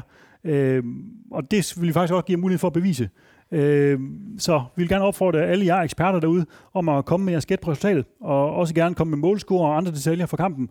Og skriv øh, det enten på de indlæg, vi har lagt op på vores profiler på Facebook eller Twitter, øh, på den, der hedder Sorsnak Podcast, eller anvend hashtagget Sorsnak Live. Så kigger vi på det i vores øh, nedtakt lige efter kampen, og, og den, der rammer mest præcist, vinder faktisk en spritny FC Midtjylland hjemmebanetrøje, som man kan, kan få efterfølgende. Øh, Så I har fra nu af og så frem til kick-off til at afgive jeres bud og vise, at de har mere styr på det øh, end os, og det burde ikke være så, øh, så hundens svær, vil jeg godt indrømme. Godt. Jeg har lige en, øh, inden vi lukker ned, har lige en servicemeddelelse, at øh, menuen for mad og drikke, det findes på side 34 i, pam, i kampprogrammet, hvis der er nogen, der skulle være i tvivl derude. Øh, så hvis man skal have noget at spise og drikke, og der er varmt i dag, så det kan godt være, det er nødvendigt, så skal man altså gå ind på side øh, 34 i kampprogrammet. Godt. Dermed så lukker vi ned for Sorsnak Live i den her omgang, og vi håber, at vi har bidraget til, til stemningen på parkeringspladsen omkring MTH Arena, og også til jer, der sidder derhjemme og følger med på Facebook Live. Vi håber, at alle her omkring arenaen er klar til at give den skalle, og ikke mindst et ordentligt øh, dyt i hornet. Vi vender tilbage på, øh, på samme frekvens her efter kampen, øh, hvor vi forhåbentlig skal tale om en sejr og endnu et skridt mod det danske mesterskab, mens I stille og roligt træder hjem.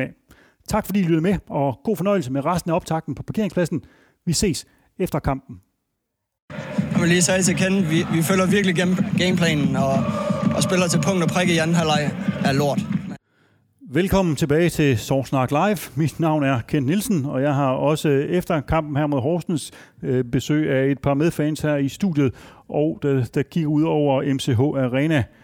Vi skal forsøge her den næste halve time at diskutere den netop overståede kamp mod Horsens, selvom vi nok alle sammen har mest alt lyst til at gå hjem og, øh, og græde.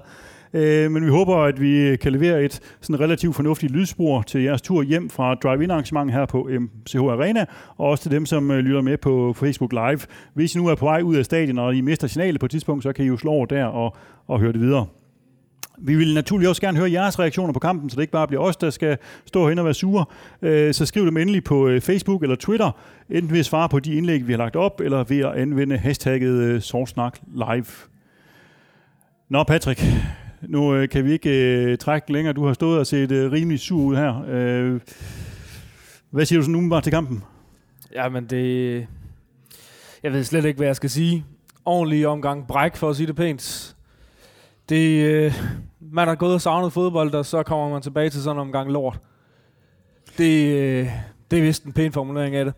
Altså man kan sige, Peter, i forhold til alt det her, vi snakkede om øh, inden kampen, at vi skulle komme med intensitet, energi, alle de ting, vi havde Svend Graversen op og sagde, der kommer nogle ulve ud, der bare øh, vil det hele, og måske har vi afgjort det efter 20 minutter nærmest. Det er jo slet ikke det, som, øh, som vi ser. Det er overhovedet ikke det, vi ser. Ja, ja, ja du står, hvis der er stemning op, det, det var noget lort. Altså, jeg ved sgu ikke, hvad jeg skal sige til det. Det var, det var en katastrofe. Det var det. Det var en katastrofe. Men Horsens gør vel lige nøjagtigt det, vi regner med, Patrick? Det er der ingen tvivl om. De bruger 48 år per dødbold. De stiller sig ned. De ligger og skaber sig på, bane, på, på banen. Bo Henriksen står og leger indpisker på sidelinjen. Altså, det, det er jo taget ud af drejebogen fra Horsens. Øh, og jeg synes, skal vi øh, sådan prøve at se en lille bitte smule ud over ejerskaben, man har brændt ind med lige nu, så synes jeg egentlig, at Horsens på deres parametre og deres præmisser leverer en rigtig flot kamp. Øh, vi formår ikke at sætte presset ind på dem sådan rigtigt på noget tidspunkt. Øh, så om det er kado til Horsens, selvom det er at kigge ind af, der er brug for, det ved jeg sgu ikke. Men øh, jeg synes egentlig, de leverer efter deres omstændigheder en, en fornuftig kamp. Og her efter øh, kampen har vi fået øh, Nikolaj øh, placeret over en mikrofon. Også Nikolaj, som har siddet og passet vores sociale medier og taget imod alle de input, der er kommet. Nikolaj, det her, det var vel ligneragtigt, det vi frygtede? Ja, nu har vi jo hvad efterhånden haft øh, en to-tre optagter til Horsens kampen. og i stort set alle optagter, der gik det ud på, at vi skulle spille hurtigt, øh, spille udenom deres øh, mur nede bagved, og så sørge for, at Luka Pribæk scorede. Og alt gik alt, kan man sige. Så ja, det var noget, det var noget rigtig høj. Omstændigheden var gode. Jeg synes, øh, dagen, øh, arrangementet, godt. Alting ser ud som, det forløbet godt nok. Ja, det er bare ærgerligt, at spillerne så ikke lige helt er klar på dagen. Jeg vil sige, for min skyld kunne alt andet være forløbet ja, helt af pommeren til, og så kunne vi have taget tre point, fordi det var sgu, øh, det var det, vi alle sammen havde sat næsen op efter, og det var jo lidt grund til, at, øh, at man havde glædet sig til, at fodbolden kom tilbage. Ja, man kan ikke se, hvem der har været hjemme på lønkompensation, og hvem der, hvem der har trænet. Nej, det var svært at se i dag. Hvis vi ser det her, det her første kvarter, som vi snakker om, at siger, vi kommer ikke særlig godt i gang. Faktisk er det Horsens, der, der sådan er dominerende på bolden der i en periode. Vi, vi, vi, vi får slet ikke sat mund tryk. Men det synes jeg faktisk, at vi kommer bedre med efter, efter et kvarter og få, for, og, få, og få skabt nogle, nogle chancer trods alt, øh, Peter. Jo, vi har et kvarter 20 minutter i første halvleg, hvor, hvor det ser ud som om, at vi er ved at få, få overtaget over på vores side, og så og så scorer de vel, har det ikke det omkring, de scorer? Jo. Og så er det ligesom om korthuset, det vælter igen. Men jeg, jeg synes bare indtrykket, det, det, jeg blev efterladt med en 10-15, hvor mange spillere nåede vi op på, der var i spil her, som ikke ser ud som om, at de, er, de var der. Altså, øh, vi sad jo selv og bandede under kampen over de her spillere, som, som så ugidelige ud, og brokkede over, over Evers tilbageløb, og alle de der ting, der var, det var, det var som om, de, de syntes, at det var, det var næsten for nemt, det her. Det føles som sådan en sommerferiekamp, og, og det så desværre ud til, at spillerne lidt gik med, gik med samme følelse ned på banen, og det er jo... Lad os håbe, det er et wake-up call, øh, og prøve at se tingene en lille smule lyst, men det er under al kritik i dag, det kan vi hurtigt blive altså, enige om. Det, det mest positive er vel, at man kan sige, at Ronny Schwarz har i hvert fald ikke spillet sig af start 11 her. Nej, det er der så 11 øh, andre, der har, hvis man skal være ret hård. Men vi har jo, kan man sige, efter i de der kvarter, altså fra, fra det 15. minut til det 30. minut, hvor vi har de her chancer. Vi har Erik, der har et øh, hovedstød, der bliver reddet på stregen. Det, det ud fra, hvad vi lige ser på stadion, så det er en rigtig flot redning, sådan set af en forsvarsspiller, der kaster sig ned med foden. Og så har vi øh, Evander, som øh, skyder over for, fra tæt hold. Altså, man kan sige, gå de to, en af de to ind, så er det vel en, en helt anden kamp, Nikolaj. Jamen det er det, det er det. Og det er jo igen det her med marginalerne. Og det, det er bare der, hvor jeg synes, det burde have givet udslag i dag, hvem det var, der havde skarpheden. Altså hvis vi gik ind til kampen med den her tanke om, at Horsens, de har nærmest øh, ja, bare lagt hjemme på sofaen i, i, i to-tre to, måneder her, og Midtjyllandsspillerne har holdt sig skarpe. Altså det, det var lige det modsatte billede. Horsens havde været to chancer i kampen. den sidste hætter herinde, den var jo også øh, gigantisk, og der så ud som, vi ikke rigtig gad at komme hjem. Øhm, men de havde de få chancer, som de kunne forvente at få i løbet af en kamp, og den ene gik ind, og, og vi havde nok i den lave ende, i forhold til, hvad vi kunne for, øh, forvente at få, og skabe, i hvert fald altså de store slagsen. Og dem vi så fik, jamen, dem udnyttede vi ikke. Og så står man jo som, som øh, så mange andre af de større hold i ligaen også har prøvet med Horsens.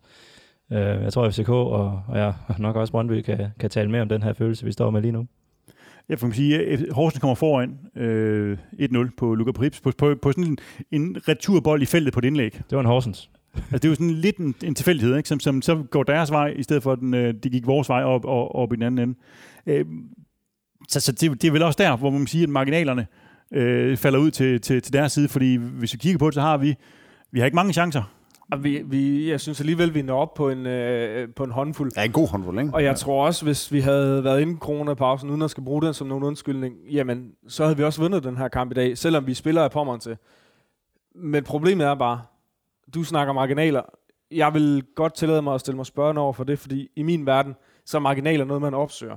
Marginaler er noget, man, man får, hvis man er det hold, altså, og nu kommer det til at lyde meget på Henriksens, det her, men hvis man er det hold, som, som ved det mest, altså, og, og det hold, som med hovedet først går ind i alle boldene, og vores pres sidder der ikke i dag, altså, det, det er jo... Det, det ligner, at vi møder Barcelona, fordi vi bliver sådan set spillet ud af brættet øh, i presset.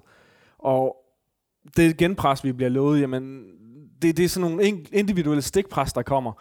Jeg synes, øh, igen, kado til Horsens, men der er også plads til at hanke op i sig selv her. Bringer vi det, vi skal i kampen, Peter Gård? Nej, det gør vi ikke. Vi, vi, vi spiller simpelthen for langsomt. Øh, og som Patrick kan sige, så går vi ikke ind i de nære kampe, vi skal. Altså, det er ligesom om, at man tænker lidt, at det er der nogen længere tilbage, der må klare. Så, så nej, vi bringer overhovedet ikke det, vi skal. Der er mange, der må, må se her.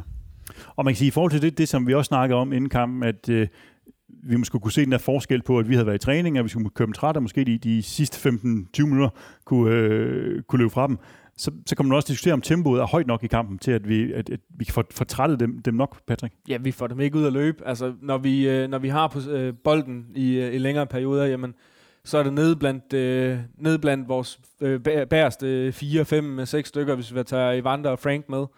Øh, og vi spiller hele tiden på, på forsiden af Horsens pres. Og det er jo klart, der bliver man aldrig farlig. Øh, løsningen var i dag, at vi forsøgte at, at spille meget over kanterne og slå indlæg efter indlæg efter indlæg. Øh, i kan bare fortsætte den derude, fordi så mange slog vi. Og der var ingen af dem, der, der rigtig blev farlige. Altså, kan bare generelt dem, der stod i feltet, jamen det blev for stillestående. Det, det er svært at ramme mand, som, øh, som står ind mellem to, øh, to stopper inde i feltet. Enten så bliver den clearet af, af forreste stopper, eller så ryger den over og går på bærste stopper og bliver clearet. Så generelt, altså de indlæg der, de bliver ikke farlige. Vi, vi bliver farlige efter nogle dødbolde, vi bliver farlige øh, til sidst, da vi smider, smider alt op i feltet. Øh, fordi så er man lige pludselig øh, lige mod lige, og det vil sige, der er flere eller bedre mulighed for at ramme medspilleren i feltet, når man smider den derind. Men altså, etableret angreb kommer vi ikke til, til noget igennem. Øh, og de der indlæg der, jamen, jeg tror, vi kunne stå her fra nu af så til juleaften, uden at, øh, uden at vi blev farlige på dem.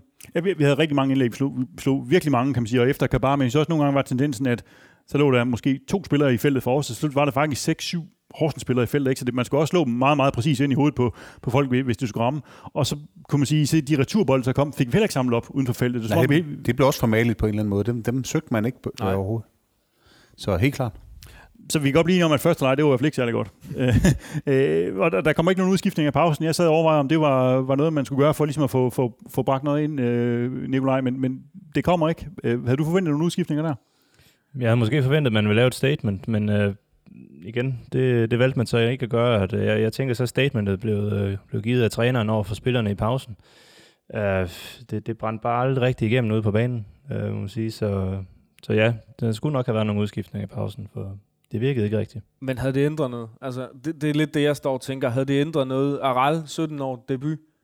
Øh, ja. Lasse Vibe, som kommer ind mod et hold, der bare øh, står, står dybt, og vores primære øh, muligheder for, eller der, hvor vi prøver at skabe chancer og komme til chancer fra, jamen det er indlæg eller bolde direkte op på en angriber. Det er jo, det er jo hverken der Ralle eller, øh, eller Lasse Vibe har deres forser i min verden. For det man sige, men den, altså, den første udskiftning kommer så efter 56, som du siger, Patrick, det, det er Vibe, der kommer på banen, i stedet for, øh, for Michael. Øhm, Men, men hvad bringer han i kampen? Øh, øh, Krog, ser du, øh, altså, ko- kommer han ind og gør, laver et impact? Nej, det gør han ikke. Man ser ham kun sporadisk. Det er, det, det er sgu et, et halvbleget indhop, må man sige.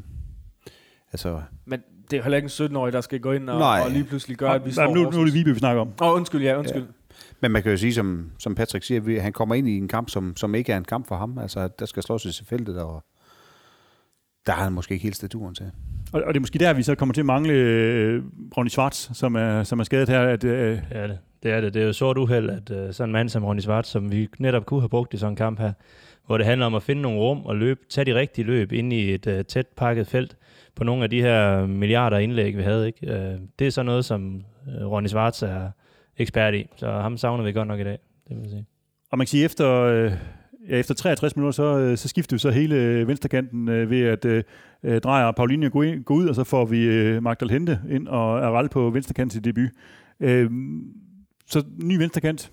Gav det, øh, gav det noget ekstra power, Patrick? Nej, det synes jeg ikke. Altså, generelt så synes jeg, timingen i, i vores possession, altså hvornår kommer overlappet, hvor, hvornår kommer løbet på kæden, hvornår, altså alle de ting der, som, som plejer at være automatismer.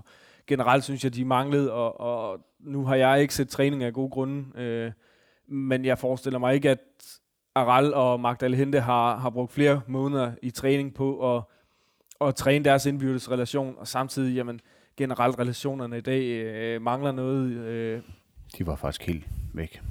ja, Men, men på det Nå. tidspunkt har vi jo, har vi jo så brugt, hvad vi havde offensivt faktisk. Ikke? Fordi er der, vi, vi snakkede inden kampen om, at vi havde en Gustav Isaksen, vi havde en, øh, en, en Ronny Schwarz derude, og så, så, så, vi havde ikke så meget offensivt. Vi havde Vibe, øh, og vi havde Aral øh, på kanten, og så kan man sige, så får vi der hente ind, som måske også er mere, mere, mere målfarlig end, øh, end Pauline. Men så efter 60 minutter, så har vi ikke, altså vi har ikke mere, vi kan ikke gøre mere for bænken, sådan, kan man sige, med deciderede offensive spillere. Mm. Øh, altså, det, er jo det, det er jo også i de scenarier, vi frygtede, at vi skulle bringe noget fra bænken, og det, det kunne vi ikke.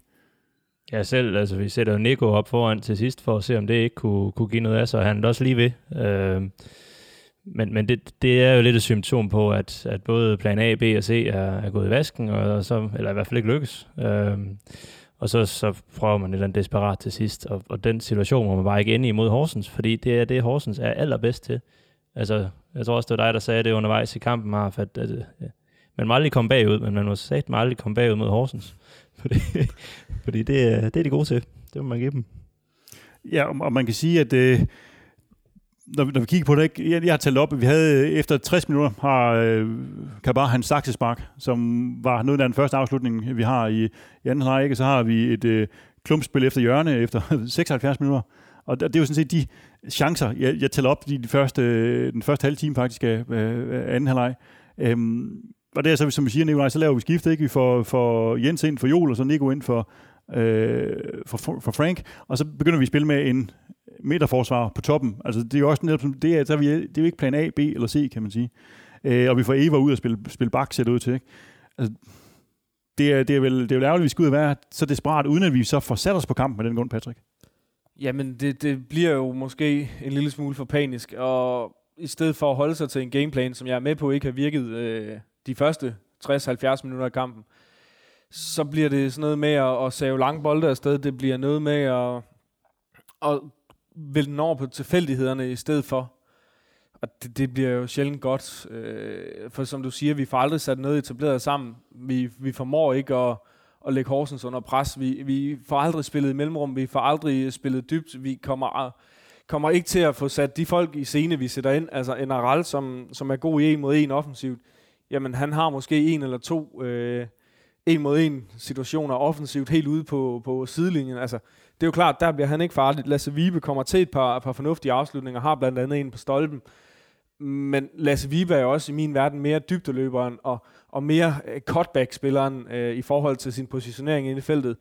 Og vi kommer jo reelt set ikke til et eneste cutback-indlæg i dag. Øh, alle vores indlæg kommer helt ude fra siderne, hvor det er meget sværere at, at, at skabe noget. Altså, vi skulle have været længere ind omkring det, man kalder half space, altså ind øh, omkring øh, mellem, mellemrummet mellem det lille felt og, og, kant, øh, og kanten af det store felt. Det, det er jo der, vi skal ind og spille for at kan få nogle indlæg, der bliver farlige. Ja, fordi man kan sige, at vi bliver først for alvor farlige til allersidst, mere eller mindre i overtiden, ikke? hvor Nikolajsen har et øh, hovedstød, der går snart forbi, og, og vi rammer stolpen, ikke? hvor det er jo sådan nogle ting. Altså, det er jo ikke, det er jo ikke et etableret spil, vi på nogen som helst måde skaber noget øh, krog. Nej, det famler, der famler vi. Jeg ved ikke, hvad vores øh, opstilling hedder der. 3-2-5 eller et eller andet, men øh, nej, det er, det er ren, øh, ren kampetrækninger, der kommer der. Og, og som I siger, så kan vi jo godt, vi kan godt tælle sådan en øh, 4, 5, 6 chancer til os, øh, og til Horsens kan vi måske tælle to.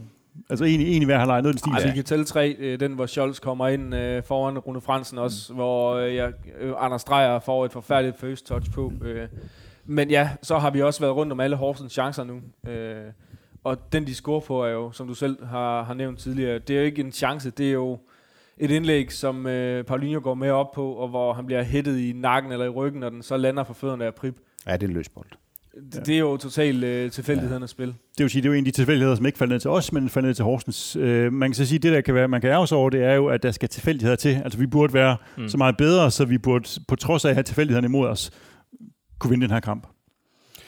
Men det ender altså med en, øh, et 1-0 nederlag til, øh, til Horsens, øh, ligesom FCK prøvede i sidste runde, og som øh, Brøndby også prøvede at tabe til dem. Øh, så det er jo enormt bittert. Vi havde jo en øh, konkurrence om resultatgættene, og der var vi rimelig langt fra, nogen mere end andre, må vi sige. Øh, men Nikolaj, du har jo stået for det her. Har vi, har, er der nogen, der har, har, har vi fundet en vinder på det her? Ja, det har vi. Desværre vil jeg næsten sige. Jeg vil lige starte, starte med at sige uh, tusind tak for mange, uh, mange øh, gode bud, og også nogle scenarier, der kunne udspille sig. der var rigtig mange øh, i halvlejen, hvor vi sad og kiggede på, okay, der var rigtig mange, der havde trods alt troet på et mål til Horsens. Og så var der endda også nogen, der havde skrevet, at øh, Horsens scorer i første halvleg, og så bomber vi med anden halvleg, og sådan nogle der. Og det sad man der og håbede på, at det blev tilfældet. Det gjorde det så bare aldrig rigtigt. Øh, jeg tror, vi fik over 250 bud med noget af den dur, så, så, så tak for, tak for inputtene. Der var en, som havde, havde oddset på en, eller oddset, siger ja, havde, havde budt på en, øh, en Horsens sejr. Øh, Kasper Sø. Øh, vi skal nok lade være med at sige, hvor du bor hen, for der er nok nogen, der kommer rendende efter. Det ved jeg, I skriver bare til mig, hvis Arf det er. ved, hvor du bor. Super. Arf kommer efter dig. Men øh, ja, så Kasper Sø, han er den heldige vinder af en, øh, en fin ny Midtjylland-trøje. På et lidt fæsen bud, men øh, Den uheldige vinder. Den uheldige vinder. Ja. Tillykke med det, eller hvad man skal sige, Kasper. Vi skal nok øh, kontakte dig, så du kan få præmien på, på, på et eller andet tidspunkt, når vi ligesom er kommet lidt ovenpå igen. Ja. Godt. Øh, er der ellers nogle reaktioner fra, fra lytteren derude, Nikolaj?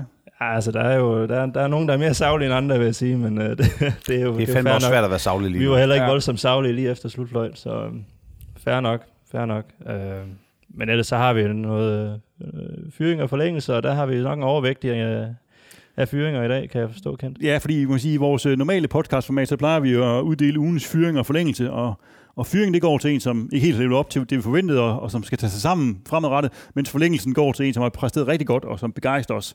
Så hvis vi nu starter med, med det, man kalder ugens fyring her, hvem er det så, vi skal have det oven på den her kamp? Øh, jeg kan lige læse nogle af dem op, der er kommet ind.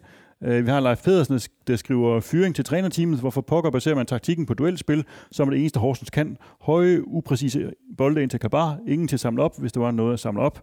Så er der Jesper Elde, der siger fyring hele holdet. Elendig idiot. Løst indsats hele vejen rundt. Så er der Dan Strauss, der siger fyringer. Priske for dagens taktik om at sparke den langt hver gang. Kabar, Evander og Mabil helt håbløst. Øh, Og så har vi Peter Rosfeldt, der siger fyring hele offensiven. Der er ingen skarphed, og der er ikke andet end overvælt at få spillet chancer. Det er pinligt. Øh, og så har vi, ja, der er mange, der fyrer hele holdet, kan jeg se, når jeg kigger ned over her. Vi har Philip øh, Hansen, der siger fyring til Kabar. Han kan jo ikke ramme et hovedstød, om det så var en havestol, der var modstanderen. øh, og der er også andre, der siger, at nok om holde over med det her med fyringerne. Øh, ja, så der er sådan lidt øh, bredt fyring til hele holdet, og træneren og taktikken og alt muligt, øh, Peter Krog. Hvad, hvad, hvad synes du, at øh, der skal fyring her? Ja, man må måske springe stadion i luften til sidst, så tror jeg, den vil være der. Jamen lad os da bare fyre hele lortet. Det, er, jeg, jeg er sgu sort til det, må jeg sige. Jeg synes, øh, det var, det var godt nok en sørgelig omgang, det her. Det må jeg sige. Ah, lige minus dem, som har arrangeret alt det her ude, udenom stadion, for de sat med gjort det godt, og de har godt nok også haft travlt i løbet af dagen, har vi jo kunne være vidne til herindefra. Øh, men ja, alt det andet, det er der godt nok være noget en pose, pose nødder i dag. Øh, ja, det virkede lidt som om, at øh, den taktik, man troede, man havde lagt, den var i hvert fald ikke den, der viste sig ud på banen. Øh, det var i hvert fald heller ikke det, som Svend han havde regnet med, der skulle ske, kan man sige. Så ligesom, ligesom alle os andre havde regnet med at se et helt andet billede. Øh, om det så var motivation, jeg tror nu egentlig, de var motiveret nok. Øh, det hang bare ikke sammen. Relationerne var der ikke. Vi spillede på alt det, Horsens er god til. Så hvad var det, du gav i fyringen, der Nikolaj? Det fik jeg ikke helt fat i. Alle dem, som befandt sig øh, plus minus 5 meter fra banen herinde. Patrick, hvad, hvad skal have ugens fyring i forhold til dig? Ja. Det er vist bare take your pick. Det øh, kan være den ene som den anden. Redselsfuldt, jammerligt, forkrampet. Øh, ja, nu kan jeg snart ikke flere øh, sådan nogenlunde sober tillægsord omkring det, men ja, helt lortet. Tim Spar, Tim Spar var nok en af de bedste, synes jeg. Ja, han gjorde det godt. Så, så det lyder til, at øh, ugens fyring det bare går til det Jamen, hele. har til, du noget til mere konstruktivt at komme med også? Nej, men man kan sige, at nogle, af de, nogle af de spillere, som jo skulle bære holdet, ikke? dem der skal vise sig, dem der skal være profilerne på det her. Ikke? Altså, der er en Evander, som jeg synes ikke øh, leverer det, han skal. Ikke? Der er en Kabar, som er kørt i, øh, i stilling til at sige, det, det nu er det ham. Og han har talt op af alle, ikke? han scorer det ene, han scorer det andet. Nu er han klar, ikke? Og, og vi ser ikke rigtig outputtet på det. Ikke? Så jeg synes egentlig, der er, altså, der er flere, man også går ind i, i præstationer, som siger, de, de ligger ikke på det niveau, de skal være, og som de hurtigst muligt skal op på, hvis vi skal Men- have det her skide mesterskab. Udfordringen er bare lidt, jeg, jeg, jeg tænker, at jeg kan ikke pege på en, hvor jeg tænker, han rammer bare nær sit niveau i dag. Nej, jeg det synes, også, nogle, af være dem, nogle af de sådan bærende kræfter, nogle af dem, man, man plejer at sige, jamen, de- har sgu et højt bundniveau, de her. De, de fejler ikke. Sådan en som Joel, han sad der i- efter, efter første halvleg, var han overhovedet på banen.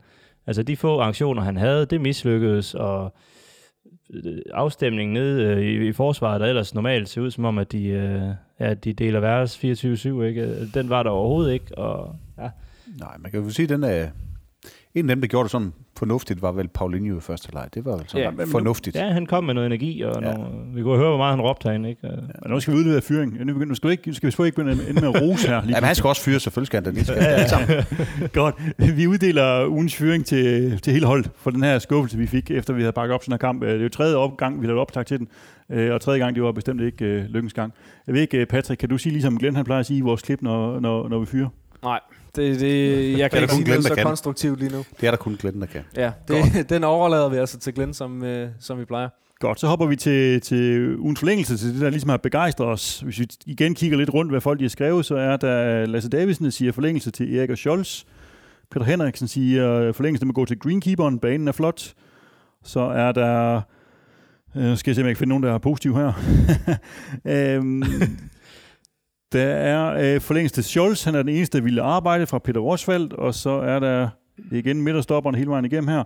Og så er der Jesper El, der siger forlængelse til os fans. Flot, flot opbakning i dag. Nikolaj, hvad tænker du, der skal have øh, ugens forlængelse? Jamen, jeg synes, øh, ja, fansene. Øh, fedt at se, at folk støtter op, og der bliver udsolgt så hurtigt til arrangementet herude, og folk har været positive hele dagen og har ligesom grebet det. Øh, og også igen, øh, kado til, til de gutter, der, der trods det hele her har, har arrangeret det her arrangement her. Det, det, det synes jeg er godt gået. Øh, og det er så også det. Altså, så er vi ved at være der, ikke? det, der var på banen, det var sådan noget lysglimt, hvor man tænkte, ja, det så godt ud i kvarter, og så faldt de også ned i den gænge, som, som resten af holdet kørte i. Så der var ikke så mange forlængelser inde på banen i hvert fald. Peter Grov, øh, kan du øh, finde noget, der var positivt, som vi kan, vi kan sige her? er faktisk en, der, der begejstrer os i dag. En, øh, skal det være en spiller? Nej, det behøver det ikke være. Ja, for ellers vil jeg nok sige, at øh, hvis vi kan se bort fra den sportslige sektor, så vil jeg sige, at øh, Preben Rock og Peter Josefsen og dem, der har fået det her arrangement op at stå, de, de har knoklet. Ja, Det ved jeg, de har. De har knoklet rigtig meget, så det, må- det må sgu være dem. Altså, Ja. ja. Enig. det er en, en kende fesen, at det skal være den vej, vi skal gå, men, øh, men så må det være. Patrick, ugens Ja. forlængelse. Hvad er det positive i dag? Det ved jeg sgu ikke. Vejret er meget godt. Vejret øh, er meget godt, men det kan jeg sådan set ikke bruge til en ravne fis lige nu. Øh, jeg vil øh, stemme i og, og sige, at øh, det er dem, som har stået, øh, stået bag arrangementet i dag. Øh, det her drive-in fodbold. Godt, jamen så er det det, vi gør. Vi giver ugens forlængelse til det her drive-in arrangement, som øh, jo er, øh, har været intergalaktisk nærmest øh, i forhold til den omtale, det har fået. Så øh, tillykke til dem og godt arbejde dem. Vi håber sådan set i virkeligheden ikke kommer til det igen, for Nej. vi håber, at vi kommer på stadion Ja. øh, næste gang, der er fodbold overhovedet, men øh, det må vi se. Godt, efter fyring og forlængelse, så øh, synes jeg lige, vi skal vende status nu her, efter den her kamp. Altså vi står jo nu med det samme antal point, som vi havde før kampen. Øh, nu er der 11 kampe tilbage, og vores forspring til, til FCK kender vi ikke helt nu, for FCK spiller i, i øjeblikket, så det kan jo komme ned på, på 9 point, hvis de, hvis de vinder over Lyngby. Lyngby, ja. Øhm, og, og Patrick, du er jo øh, berygtet for at øh, have nogle meget høje procenter, når, øh, når vi skal vurdere vores guldchancer. Hvor er du hen efter den kamp her? Det er et fantastisk godt spørgsmål, Kent. Fordi for at være helt ærlig, så ved jeg det ikke. Øh, det, det kommer selvfølgelig an på resultatet i øh, FC Copenhagens kamp øh, mod Lyngby. Øh, men hvis vi antager, at de vinder, så har vi da, så har vi da nogle procenter nede. Øh, hvis vi antager, at de vinder, som jeg siger, så, så har vi et forspring, der hedder 9 point. Vi har to indbyrdes møder med dem. Skal vi tage den rigtig negative hat på, og vi taber begge to, så er der lige pludselig tre point tilbage at spille om, øh, eller imellem holdene her. Så begynder det at se skidt ud, men jeg ved sgu ikke, hvad procenterne er. Øh, det, det, det kommer som sagt an på, hvordan, øh, hvordan de klarer den i dag.